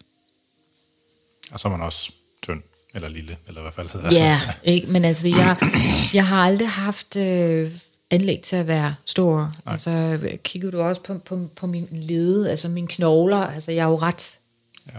smal. Men så ser det også, så ser det også er hurtigt ud. boned. nej, nej, men, men så, så ser det også hurtigt ud af noget, når der så kommer en lille smule buler på. Ikke? ja, ja. Så, Ja, sjovt. Øh, men hvis vi vender tilbage til øh, Sten Brofort og Lisas, de der fitnesskonkurrencer, mm. altså det var jo det, det var jo sådan en, der, det var jo stadigvæk i FBB-regi, men det var kørt ved siden af det danske Bodybuilding og Fitnessforbund. Så, så da du stillede op der, var det ligesom, var det sådan de nye ting? Jeg fulgte simpelthen bare med udviklingen. Ja. Øhm, og efter jeg havde vundet hvad jeg, alt, hvad jeg kunne skrave sammen i, i det ene forbund, så havde det sådan lidt, nå, hvad skal jeg så agtigt, ikke? Fordi jeg kunne godt mærke, at jeg var ikke færdig med at, at øh, bruge min øh, krop på konkurrenceplan. Jeg elskede jo det der sus og det drive, som, som det gav mig. Og så var jeg også meget, øh, det gav mig noget at være målrettet for. Fordi jeg, jeg, jeg arbejder bedst under pres øh, på det tidspunkt, så, så kunne jeg bedst træne, når jeg vidste, at At der var et øh, formål. der var et formål med det. Ja. Hvad med hele det der, altså hele det der diætræs og sådan? Altså det var selvfølgelig ikke lige, jeg tror ikke, det var lige så vildt dengang, som det er nu. Altså med vandudtømning og alt det Åh, der. oh, jo, jo. Altså, det var dengang. ja, ja, det, det var det også dengang. Øh, ikke fordi jeg havde så meget forstand på det. Jeg gjorde jo bare, hvad... Altså, man prøvede jo nogle forskellige ting, men, men ting virkede jo forskelligt fra person til person. Ja, ja, man skal virkelig skyde sig. Øh, det var først de sidste år, jeg stillede op, hvor jeg havde sådan, synes jeg, fået nogenlunde styr på egentlig, hvad min krop, øh, hvordan den havde det bedst op til en konkurrence. Øhm, men jeg har aldrig været den mest hugget. Jeg ved ikke, om jeg har noget elefanthud eller et eller andet, men, men jeg har aldrig stået ribbet. Øh, Men det, måtte man det dengang? Blev man ikke dømt lidt ned på det, hvis man så alt for hård ud? Øh, men blev dømt ned inden for fitness, ja. Men alligevel, der, der, man skulle jo kunne se noget definition. Og ja, jeg havde definition, men, men selvom det var på et tidligere tidspunkt, øh, så, så faldt, kunne jeg godt falde lidt igennem ved siden af en, der stod en lille smule skarpere, fordi jeg havde lidt det der knap så skarpe øh, overgange.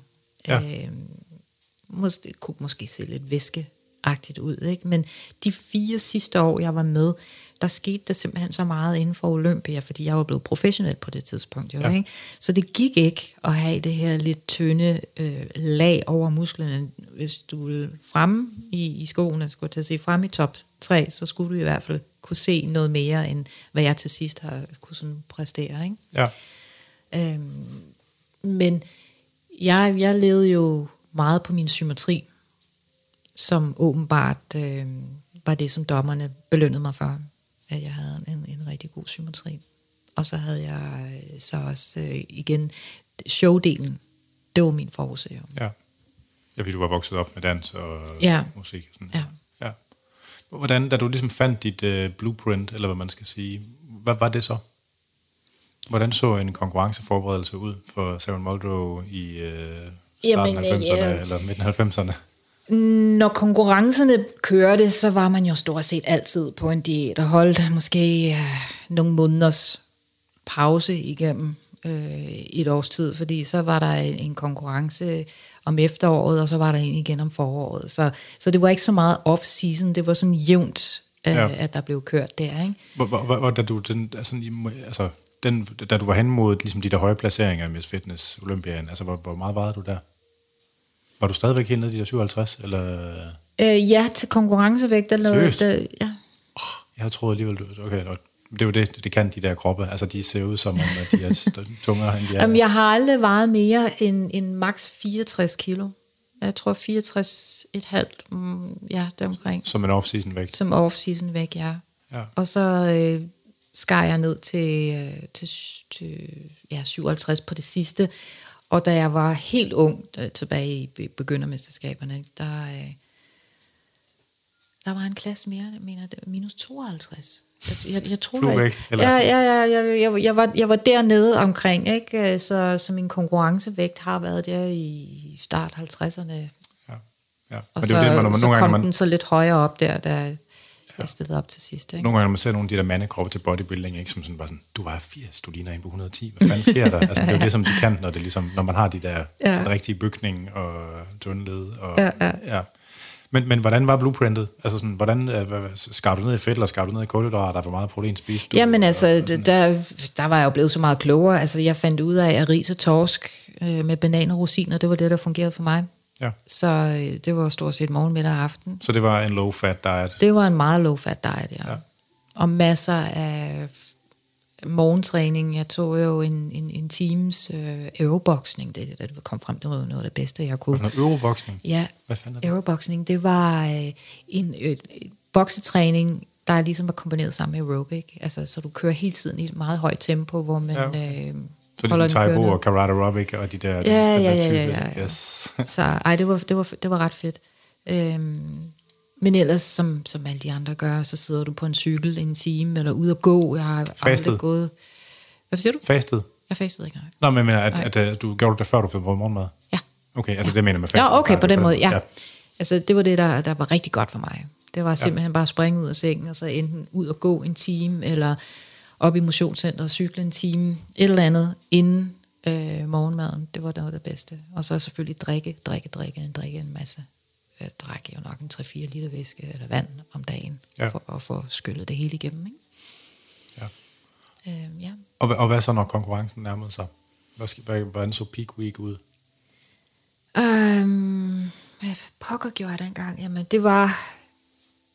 Jeg, gjorde, jeg, jeg lavede egentlig ikke så mange øh, fudelihutter, fordi det, det fandt jeg ud af, at det der med at, at skære ned og karp op og alt det der, det var sgu ikke så godt for mig. Så jeg, jeg holdt den bare kørende, og så... Øh, Nå, altså man laver ja. Kalorier hele vejen op til konkurrencen. Ja, så, som jeg husker det, øh, på selve dagen, eller aften i forvejen, måske fik noget mere at spise, men på selve dagen holdt fuldstændig øh, tørt.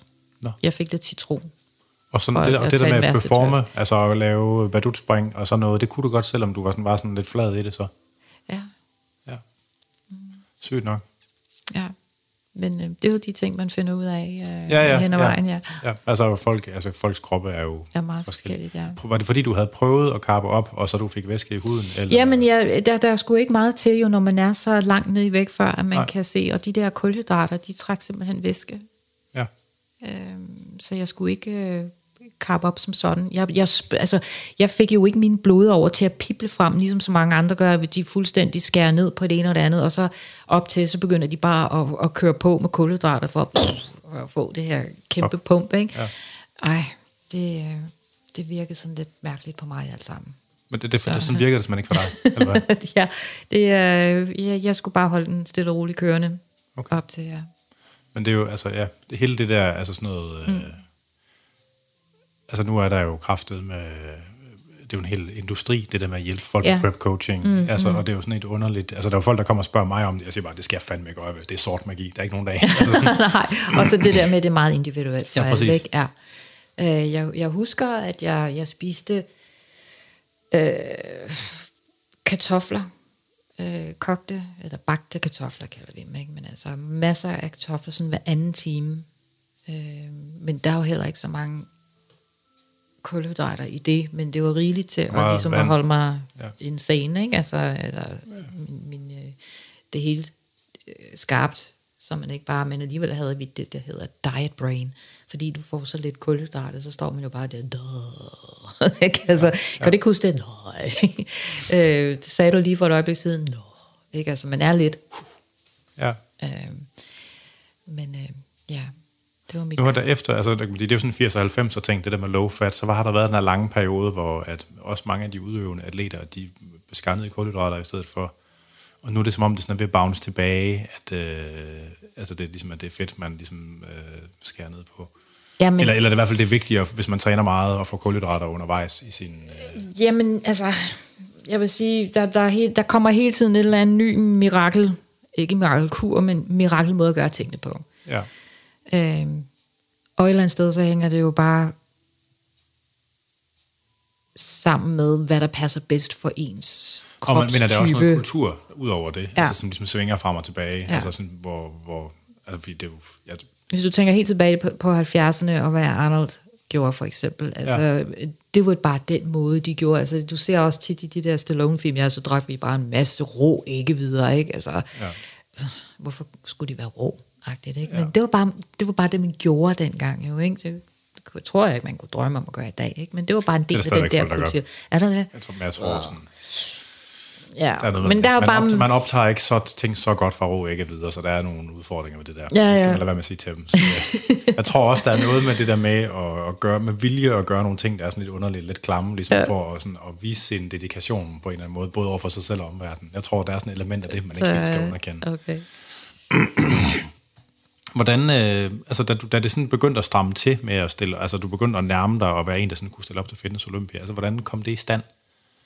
Altså var, var der kvalifikation, eller hvordan øh, funkede det? Ja, altså den første Fitness Olympia, der var jo af god grund ikke nogen øh, sådan særlig øh, kvalifikation. Ja, det vil sige, det var det jo, fordi jeg havde vundet det danske Miss Fitness. Og så Ja. ja. opfandt man jo lige pludselig den her konkurrence. Så var jeg jo, kan man sige, den bedste i Danmark, og blev kontaktet af øh, Sten Brofort, øh, Ja. om jeg, nu, havde, var muligheden der for at kunne stille op til øh, Fitness Olympia. Om det Fandtes det i Danmark, før det fandtes internationalt, eller hvad? Altså kom Fitness Olympiaden først efter... Øh, Ja, fordi den første Olympia, jeg var med til, det var i 95. ja. Okay. Øh, og og det, det var den allerførste. Men Sten, han kender jo også, kendte, eller kendte og kender jo en del af folkene i FBB. Var, var Ja, han, ja, og, øh, altså Lisa var jo dommer, og de jo begge to øh, været dommer inden for det jo, ikke? Ja, ja. Øhm, og så fandt man jo ud af, at som man gjorde inden for NABA også, at nu, nu var kvinderne ved at blive så store igen, så vi blev nødt til at, at lave noget i en lidt mildere grad, også for ligesom at holde folk interesseret og holde folk til. ja. Øhm, så, så opfandt man Olympia Fitness, og jeg blev så opfordret til at deltage i det, i og med at jeg var den regerende. Øh, I to år i træk havde jeg vundet Miss Fitness Danmark. Ikke? Så, Ja, ja. Yes, igen. Yes, ny mulighed. Jeg er klar. Og selvfølgelig, altså, Olympia, wow, professionel. Uh, ja, selvfølgelig. Ja. Det tager jeg dig med til. Hvor var det henne?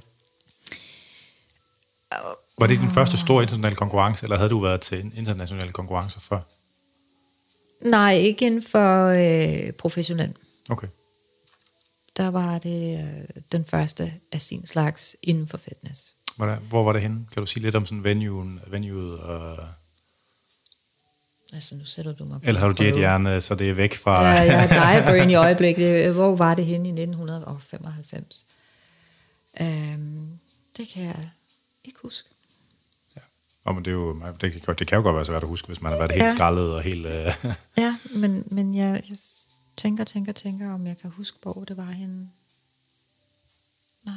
men dengang tilbage i 90'erne, der var Olympia-konkurrencer var jo noget andet noget, end det øh, har været i mange år. Altså bodybuilding og fitness har jo været lidt i sådan en slump et stykke tid. Mm. Altså nu er det sådan ved at komme igen på grund af YouTube og alt det der, der følger med. Altså, men var det sådan, altså, var det sådan, var, var det sådan noget med tusindvis af tilskuere, eller altså, altså sådan, Ja, ja, altså det var jo øh, samme periode, samme dag, samme weekend, som øh, Mr.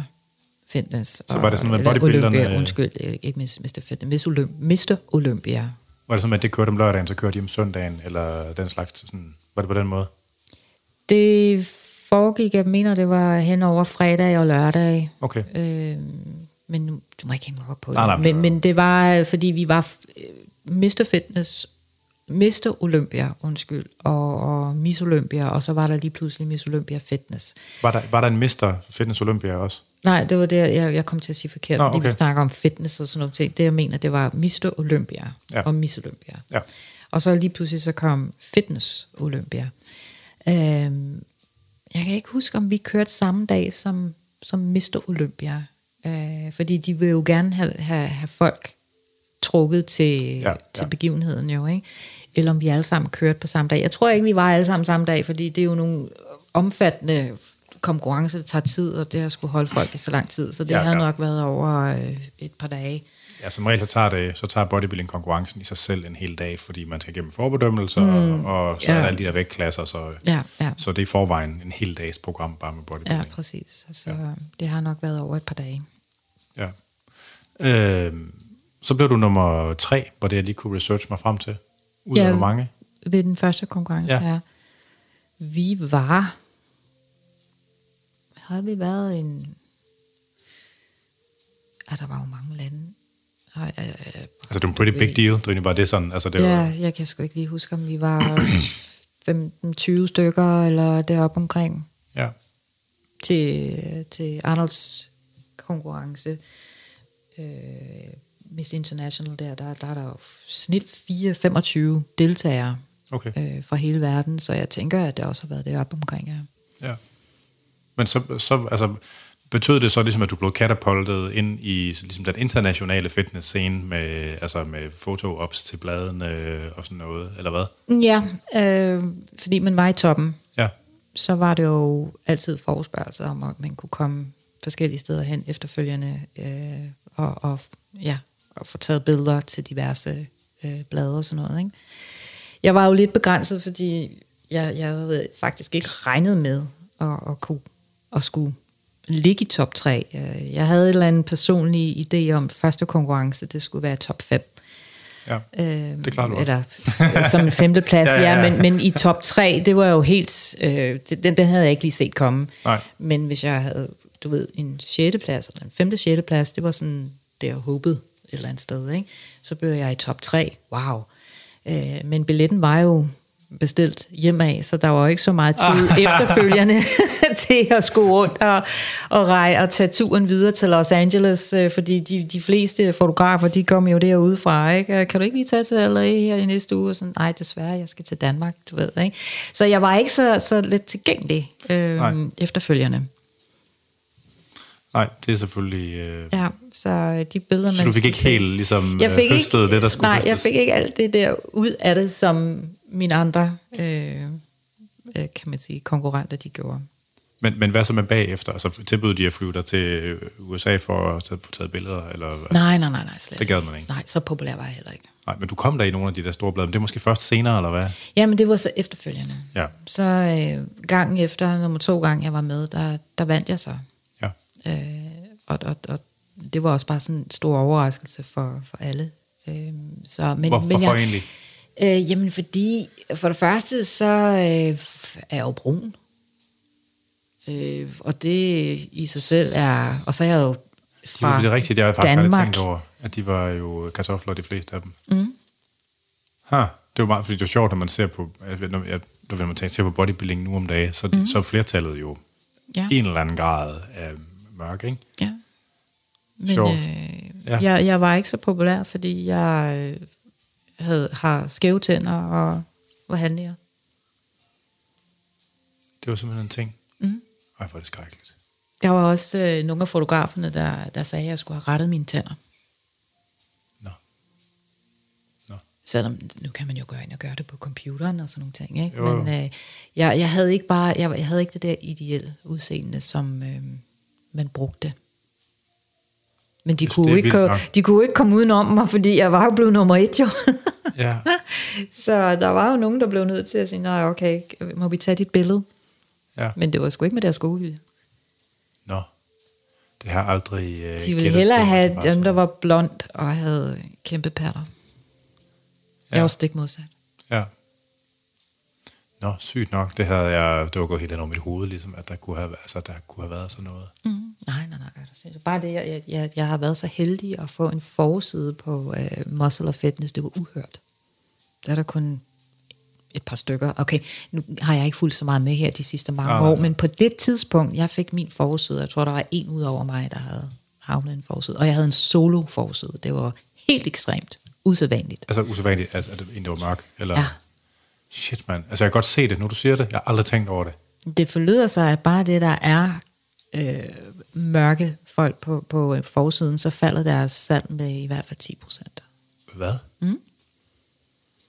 Så det var en stor chance, jeg, at de to der med at smide mig som solo på forsiden af Muscle og Fitness. Holy shit. Mm.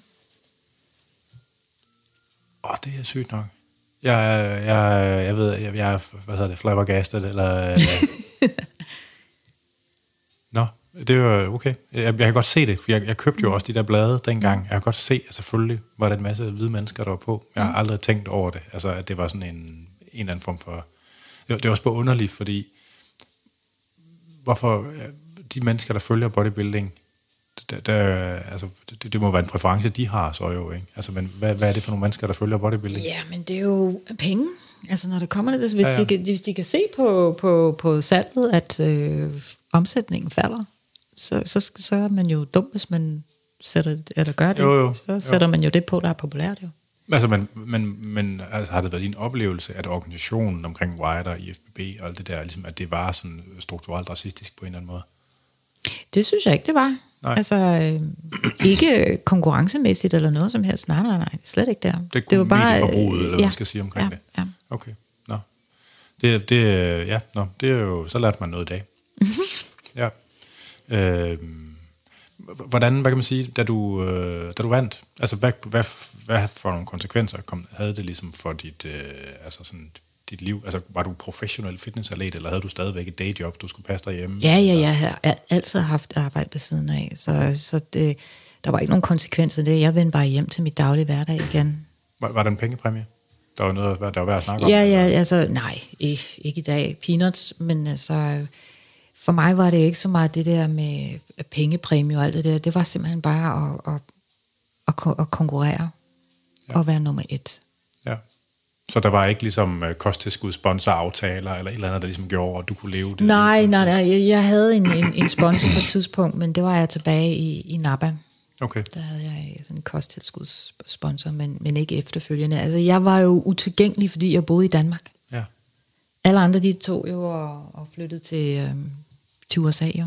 Men ja. jeg boede jo på den anden side af, af vandet, så jeg var uinteressant. Men, men de andre, ligesom dem der, dem, der så havde mulighed for at bo i USA, og sådan, altså, havde de, altså, var, var det sådan, at de havde mulighed for at leve liv som fuldtidsprofessionelle 100 procent, og de gør det endnu. Jeg har stadigvæk uh, kontakt til alle dem, jeg stillede op med dengang og sådan ting. De har jo alle sammen gjort karriere uh, inden for, for den branche. Så det var The Works med foto-ops og kosttilskudsaftaler? Og... Men det, det, det var aldrig det, der var min hensigt. Øh, det var aldrig det, jeg, jeg gjorde. Jeg, jeg synes bare, det var sjovt. Så gav det mig, som sagt, motivation for, motivation for at træne. Ja. ja. Vi laver lige en uh, plads til en skiller, og så fortsætter vi lige om lidt. Ja.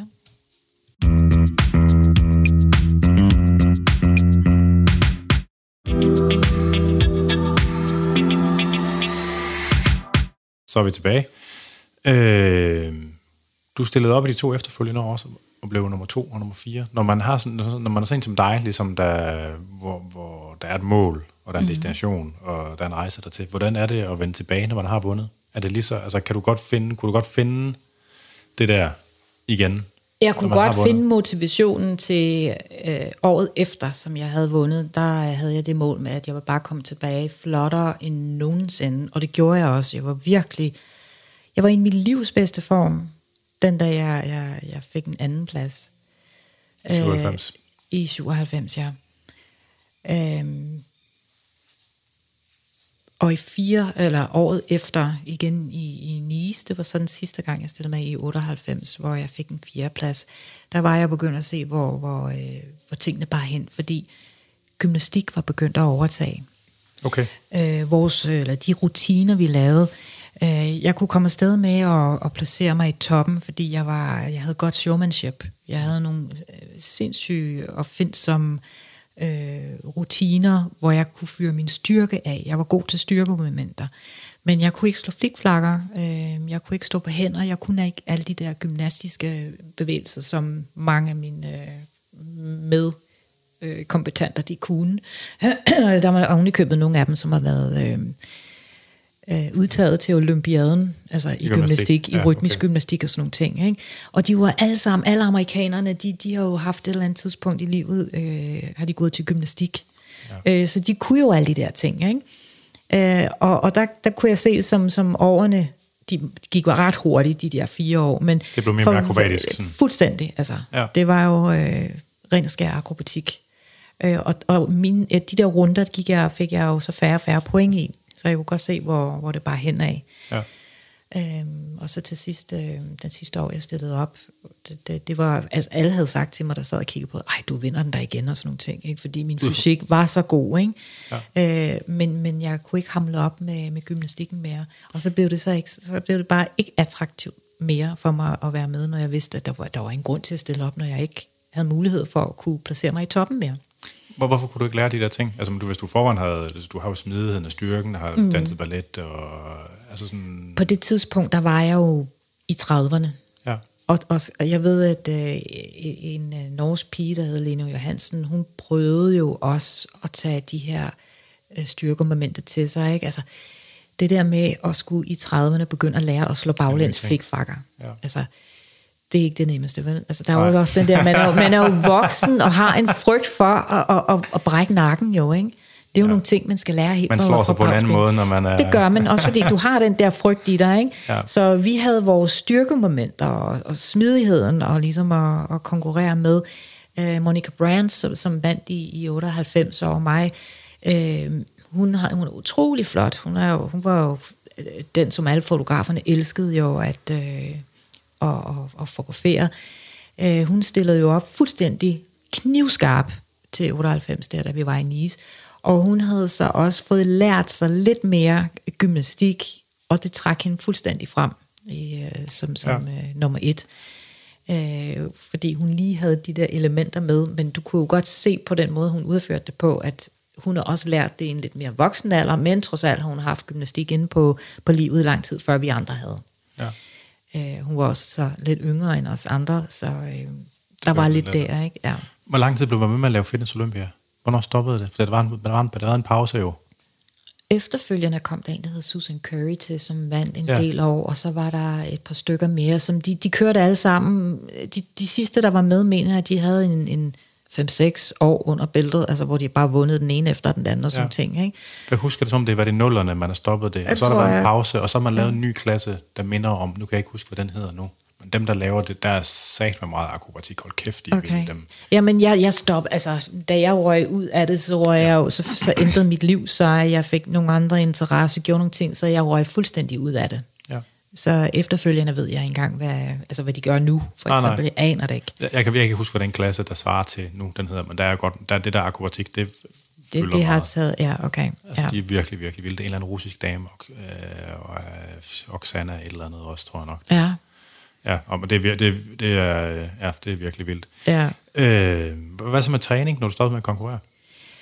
Ja, men det gik jo bare over til at blive ganske almindelig øh, vedligeholdelsestræning, og lidt øh, æbbede det ud i perioder, og så tog jeg det lidt til mig igen. Men det er igen det der, men jeg er meget målrettet. Jeg skal ja. helst have, øh, jeg skal helst vide, at om x antal måneder, der skal jeg stå i en eller anden form eller noget. Og når jeg ikke har den der guldråd, så bliver jeg meget sløset, øh, og ja. ja. Nå gud, glemte jeg at træne i går. Gud, det er da et halvt år siden, jeg trænede sidst. Og, glemte jeg at træne i år? ja, har jeg trænet i år? Øh, nej. øh, så ja. Ja, jeg havde, øh, jeg havde på et tidspunkt lavet podcast med Allan Zachariasen. Ved du, der? Nej, desværre. Der, i, i, tilbage i 80'erne, der havde Danmark jo nogle rigtig gode maratonløbere. Vi havde nogen, der løb maraton helt nede i 2.05, 2.08. Ja. Altså, som jo, at det er jo, altså, der er jo meget få hvide mennesker, der har øh, været dernede omkring. Ja. Og, øh, og det, som de gjorde, det var, at de trænede bare meget. De trænede bare meget, meget mere og meget og, og hårdere, ja. end folk gør nu om dagen. Altså, de bedre, deres niveau dengang, det var meget bedre, end det er nu. Mm-hmm. Og det sjove var, at der var øh, Jens Jørgensen og Allan Zachariasen. Og Allan Zachariasen har fortalt, at han havde der løb. Han hvad? Han havde der løb. Er det rigtigt? ja, men han, men han, løb, men han løb stadigvæk 200 km om ugen, fordi han skulle fucking vinde. Ej, ja. Så det er lidt det samme. Altså, så han, ja, ja. Altså, det, der, det er meget sjovt at være sådan performance-driven på den der måde. Ja. Ja. Øh, der skete jo en masse ting omkring altså den måde, som kvindekroppen blev præsenteret på i fitness og bodybuilding i de år. Altså hvor Kim Chisevsky kom ind i bodybuilding, og ligesom hvor den her, altså hvor, hvor man gik fra den almindelige pæne, trænede kvindekrop mm, mm. til den, der var jacked. Ja, ja. Altså, øh, og det, det var begyndt lidt nogle år før du altså i bodybuilding var det sket lidt lige nogle det var, det var, det var også derfor, man lavede, nu skulle der være en, en, en ny klasse, og det var så ja. for de kvinder, som bare, bare skulle se fitness, altså fit men ud. Men de, de, de skulle jo også lige pludselig være større. Og lige pludselig så skulle de, men det var fordi, hver gang du, du, uh, du kommer ind i en konkurrence, så vil man jo være bedre, end hvor du kom fra. Ja. Øhm, og så får man de der briller på med, ej, så skal jeg være lidt mere defineret, eller så skal min røv lidt mere op i nakken og sidde, og så skal man, og det ene og det andet. Og også, du er ikke den eneste, der gør det. Det gør Nej. din konkurrent også, du ved. Og, og så er det, det stikker af en gang mere, og ja. det var også derfor, det stak af, som det gjorde. Fordi fra første gang, jeg stillede op til Fitness Olympia, til den sidste gang, jeg var med, det er to forskellige udgaver. Ja, altså hvad, hvad, hvad var dit eget forhold til det? Altså ligesom, at det gik fra at være noget, man tænker, jeg kan sige, Fitness Olympia er selvfølgelig ikke så præget mm. af det som bodybuilding, altså, men man går fra at være noget, der er almindeligt trænet, til at være sådan, altså sådan jacked. Ikke? Altså ja. sådan, Jamen, det, var, det, var, ja, det var bare en del af gamet. Altså, hvis du vil være med i toppen, så var du bare nødt til at, at gå all in ja. øhm, og, og blive bedre end den sidste udgave af dig selv. Ja. Fordi du kunne jo følge med i billederne, øh, som, som der blev øh, offentliggjort her, var en gud, ser hun sådan ud, og så hun sådan ud af den konkurrence. Fuck, nå, okay, så er jeg nødt til at lige at steppe op en gang. Ikke? Altså, det, det var bare en naturlig udvikling. Ja. Ja. Det liv, du levede dengang, var det sådan et, ligesom man ser blandt de fleste moderne bodybuilding findes lidt, at de, de lever jo som et liv, hvor alle deres venner også er i den der samme boble. Var det også sådan, du levede? Altså... Nej, jeg var, jeg var den eneste øh, aktiv. Øh, resten af mine venner kan man sige, også den dag i dag, er alle sammen på et eller andet plan motionister, Ja. øh, som holder sig i form enten ved at løbe eller øh, styrketræning, men, men det var ikke, øh, der var ikke nogen af dem, der ligesom decideret, øh, vi, vi hang ikke ud sådan en helt klasse mennesker af, af, af, af trænet. Nej, Øh, øh, det er jo mange, der gør nogle dage. konkurrencemennesker. Altså, det, Ja, det, er jo, det, ja. det er jo ret normalt, ligesom, at så driver ens liv bare i en retning, Ja, hvor ja. At, så er de alle sammen sådan den samme boble. Jeg vil, jeg vil sige, det er de mennesker, som jeg har i mit liv fra dengang også. Vi er nogle, nogle aldrende personer, der bare holder os i god form, fordi vi har haft den der kultur ind på livet, men, men det er kun mig, der ligesom har været den, der har været Ja. øh, aktiv. De andre, det har jo bare været øh, sund fornuft. Ja. ja. Hvordan, hvordan, har du det så sådan med, med din krop på bagkant af alt det her? Altså, det, at, at, der, der er jo nogen, der kan, der er nogen, der f, f, f, hvad hedder det, forenes med det, eller sådan, mm. du ved, og der er nogen, der bliver, bliver ved med sådan at stræbe efter sådan, altså sådan, hvor, hvor det sådan er sådan en, jø- sådan en, det er sådan en længsel, der ligger et eller andet sted. Altså, Ja, altså, jeg har jo givet slip for mange år siden. Det kan jeg da godt se nu. Det, det var sgu da også ærgerligt, at jeg ikke havde holdt tingene ved lige. Men når det er sagt, i forhold til andre kvinder, normale kvinder i min alder, så er jeg jo stadigvæk mange skridt foran. ja. Øh, og det er jo, fordi jeg tager fat en gang imellem, og jeg tænker, okay, nu, øh, nu, nu skal jeg skulle lige, du ved ikke, og så får den lige en over hatten i, i, i en periode, og så får jeg ikke tid til det igen. Og, men, men jeg lader det aldrig stikke af i en retning, hvor jeg ikke selv kan kontrollere det. Nej. Øh, og og i, som det er lige nu, de sidste øh, halvanden års tid, hvor alt det her corona, vi har været igennem, øh, jeg var i en rigtig, rigtig god træningsperiode, inden det skete. Det tror vi, det er vi nogle stykker, der kender. Øh, ja. og så kom coronaen, og så, øh, jamen, så kom vi ud af det, så genoptog jeg min træning sidste år, og så lukkede motionscentrene ned igen. Og i dag, som jeg lige skulle stå og tænke over, hvad vi to ligesom skulle snakke om, så kom jeg til at tænke på, hvornår har jeg sidst trænet? Ja, det var der i august måned. Jeg har bare betalt og betalt og betalt til et kontingent, som jeg ikke har brugt siden august sidste år. Agtigt. Skulle måske ikke bare sløjfe det kontingent, tænkte jeg, og så bare gøre, som jeg har gjort indtil videre, det er bare at, at gøre noget derhjemme. Ja. Øh, men igen, jeg gør mere ud af det, når jeg får lov til at komme ned i træningscenteret. Og så er der så også de der øh, maskiner, som jeg dog ikke har derhjemme, øh, som er lidt bedre til at, at styre kroppen. Og jeg ved også godt, at, at på sigt, som alderen kommer snigende, er det jo bedst at holde sig i form. Så ja, jeg skal i gang igen. Jeg skal bare finde tid til det hele. Ja, sådan er det jo. Ja. Men, men sådan, altså, så, så, sådan, sådan rent psykologisk, altså, så du har, ligesom, du har et afslappet forhold til... til Ja, ja, jamen, det havde jeg også dengang, jeg stillede op. Altså, hvis okay. for eksempel jeg var ude at rejse, øh, nu, øh, det er min bedre halvdel, som man var ude at rejse med, Åh, vi skal bare finde et træningscenter, det kunne ikke gå for langsomt. Flyverne er knap nok øh, landet øh, destinationen. Hvor er, det, hvor er træningscenter? Hvor er træningscenter? Ah, slap nu af, vi er på ferie, way, du ved ikke. Så jeg er altid blevet beskyldt for at komme lidt let til tingene, fordi det har aldrig været, øh, jeg har aldrig været sådan bit af en gal håndvægt som sådan. Altså, jeg, jeg hoppede over, hvor gæret var lavest. Ja, sjovt. øh, nu, nu taler du om din, altså, har du din mand været med hele vejen gennem det her? Ja, dengang jeg var aktiv, ja. Okay. Der øh, var jeg gift med, med Jakob, og han var min, øh, min træner, min øh, indsmører, backstage, øh, Ja. alle vejen, og før det øh, en, der hed Kim. okay. Ja. Og det kunne godt, altså det kunne godt, de relationerne kunne godt bære det der med at skulle være, altså det, det er jo hårdt for et forhold. Og, ja, ja, ja, ja, men altså, der var fuld opbakning hele vejen. Der ja. var ikke noget der. Ja, nice.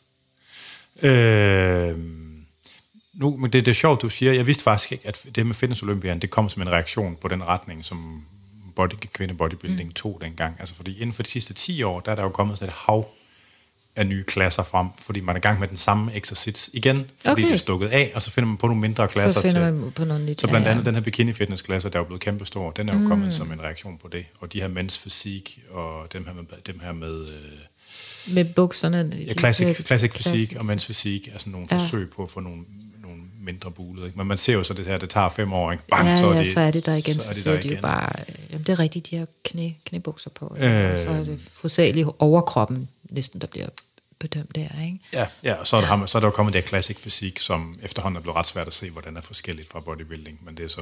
Okay. Ja, jeg tror, du ved mere, end jeg gør på øh, det Øh, område. Men, men, men så, hvad kan man sige, hvad er din... Altså, så man kan sige, specielt på kvindebodybuilding, ikke, hvor det var tydeligt, at lige pludselig så gik det fra at være nogle nogle pæne, nydelige, trænede kvinder til nogle, der tydeligt brugte, altså gjorde brug af steroider og sådan noget. Ikke? Altså, og hvor, hvor kvindebodybuilding fik en... Det blev meget vildt, ikke? Efter, Kim, meget efter vildt, Kim ja. Chisevski, så kom... Øh, øh, hvad fanden var det, hun hed? Iris. Iris Kyle. Iris Kyle, ja. og, øh, altså, og Linda Murray, Altså, hun var jo i den der overgangsperiode, som hun- startede bare med at være almindelig. Ja, men hun, og hun, hun, she pulled it off, fordi Ja. ja. hun havde den der vitaber og, og, og var så øh, ja, smuk som en status, selvom hun var så symmetrisk igen. Ja, ja, men hun var vel i så- overgangsperiode. Hun, hun blev også Ja. stor til sidst. Ja, Ikke? ja, det Man startede hun. med at være sådan helt, altså, Ja. ja. kan man sige, meget naturligt trænet. Ikke? Ja. Hvad, hvad var din tanke om at være i det? Altså, for du var selvfølgelig ikke en del af bodybuilding-verdenen, men man var jo, du var jo tæt, meget tættere på det, end de fleste var. Ja, altså, Det der ekstreme kropslige udtryk, der var i det. øh, altså sådan en som Iris Kyle for eksempel, altså da, da, efter Kim Shivevski, og så kom Iris, der, der må jeg indrømme, der tænkte jeg bare, okay. Altså det, det, det var for mig... Øh, Jeg kan godt lide, at du lavede en basslyd der. det var sådan lidt, det var lidt øh, grænseoverskridende, hvad hun kunne præstere. Ja. Øh, hvor jeg, min egen personlige holdning til det var, okay, nu er det for alvor stukket af, altså fordi der, der, altså, der var jo ikke så meget forskel på, på, på mand og kvinde der. Øh, men okay, så jeg så, men det er jo sport, alt er en udvikling. Øh, det, det, det hun vil have den af for det, øh, det er bare ikke det, jeg vil. Nej. Og det var også derfor, jeg hele tiden har valgt de der lidt mere feminine, i gåsøjne, veje. Og det var øh, de der figurer og fitnesskonkurrencer, fordi jeg, jeg har heller ikke strukturen til det, og jeg har heller ikke lysten til at blive så stort som hus. Øh, så det er derfor, jeg altid har gjort det, jeg har gjort. Ja. Har du nogen sådan... Øh, jeg ved ikke, nu, vi er ved at nærmere... Jeg tror, jeg har spurgt om alt det, som jeg ligesom lige kunne finde på at spørge om. Øh, Er der sådan noget, der lægger dig på sinde egentlig? Sådan, altså, hvis du kan, sådan, skulle give en eller anden godt råd, eller en, øh, sådan en refleksion, du gerne vil dele, sådan, altså, I godt råd, hvad tænker du i forhold til? om sådan livet som trænende, eller som øh, øh, spi, hvad hedder det, aspirerende atlet, eller... Just go for it. Altså, man skal, man skal gøre det, som man føler er rigtigst, eller mest rigtigt for en. Øh, hvis man har lyst til at konkurrere, jamen så skal man prøve det af, og gøre det. Øh, føle sit hjerte, føle sine instinkter. Ja, ja. Altså fordi, jeg har snakket med, jeg efterhånden så har jeg snakket med rigtig, rigtig mange Ja. nuværende og tidligere atleter også. Og det, jeg synes, det er spøjs, det der med, at du har været så øh, resultatorienteret, men stadigvæk har kunne slippe det i det omfang, du har. Det er en lidt usædvanlig kombination. For de fleste af dem, der er meget resultatorienterede, det er dem, der er sværest ved at slippe det. Ja. Øh, mens dem, der har været sådan mere procesorienteret i deres arbejde omkring det, øh, ofte har, altså min, op, min helt subjektive oplevelse, efter at have snakket med rigtig, rigtig mange, det er, at dem, der har været mere procesorienteret, ofte har lettere ved at slippe det, Ja. når det sådan ligesom er overstået. Ja, Så det er en- men, men det, det er nok, altså selvom det har været en livsstil, jeg tror, jeg, jeg brugte 19 år på det, Ja. sådan sammenlagt. Øhm, og det var jo selvfølgelig en livsstil. Man stod op om morgenen, man trænede, man gik på arbejde, trænede efter arbejde, spiste specielt øh, året rundt øh, for at opnå nogle resultater. Det var en del af gamet. Men det har aldrig været mere vigtigt for mig, at jeg skulle kan man sige, efterfølgende blive fuldstændig bit af det, og ikke kunne finde ud af andet. Altså for, for mig var det bare en periode, hvor at jeg fik afløb for det der med at skulle prøve at være den bedste til noget. Ja. Ja, øhm, ja altså vigtigere har det ikke været for mig, selvom det har fyldt alt på et tidspunkt. Øh, mine resultater øh, afspejler bare mit, øh, ja, de der drømme, jeg havde, og, og, og det var resultatet af at, øh, den motivation, jeg havde for at komme ned i, i gymmet og, og træne. Og Ja. så tænker jeg, ah fedt, der er en konkurrence, den vil jeg vinde. Det gjorde jeg, og da det var overstået, så var det var sådan lidt, okay, det var det, hvad så nu? Ja. ja. Øhm, men, men, men det har aldrig ligget så dybt i mig, at jeg har tænkt, ej, det er bare en, en del af min eller en, hvad hedder det, ID, at, at jeg ikke kan leve uden at skal have en stramme baller eller et eller andet, fordi Nej. det, øh, nej. Men jeg kan da godt se, at jeg har det stadigvæk, altså jeg tænker da stadigvæk på, når jeg så endelig smider tøjet op på stranden, øh, ja, okay, du ved, så, du ved, man retter sig lidt op og suger maven lidt ind. Altså, man er jo lidt øh, skadet alligevel, men, men ikke i det omfang, som måske så mange andre øh, måske. Der er, ja. mange, altså, der er mange, der er svært ved at slippe det bagefter ja. også. Som sagt, jeg, jeg er jo venner med, med mange stadigvæk øh, igennem Facebook, og kan se, øh, hvordan de, i hvilken retning deres liv har udviklet sig. Og der er vi altså stadigvæk ude i, øh, som, som mit 50-årige, at, at hver billede, der kommer op, så står de jo og poserer, og stadigvæk i, i, i god form af at være øh, middelaldrende eller 60 år og sådan ting, ikke? Men, men stadigvæk kan jeg ikke lave et billede uden at lave en dobbelt biceps.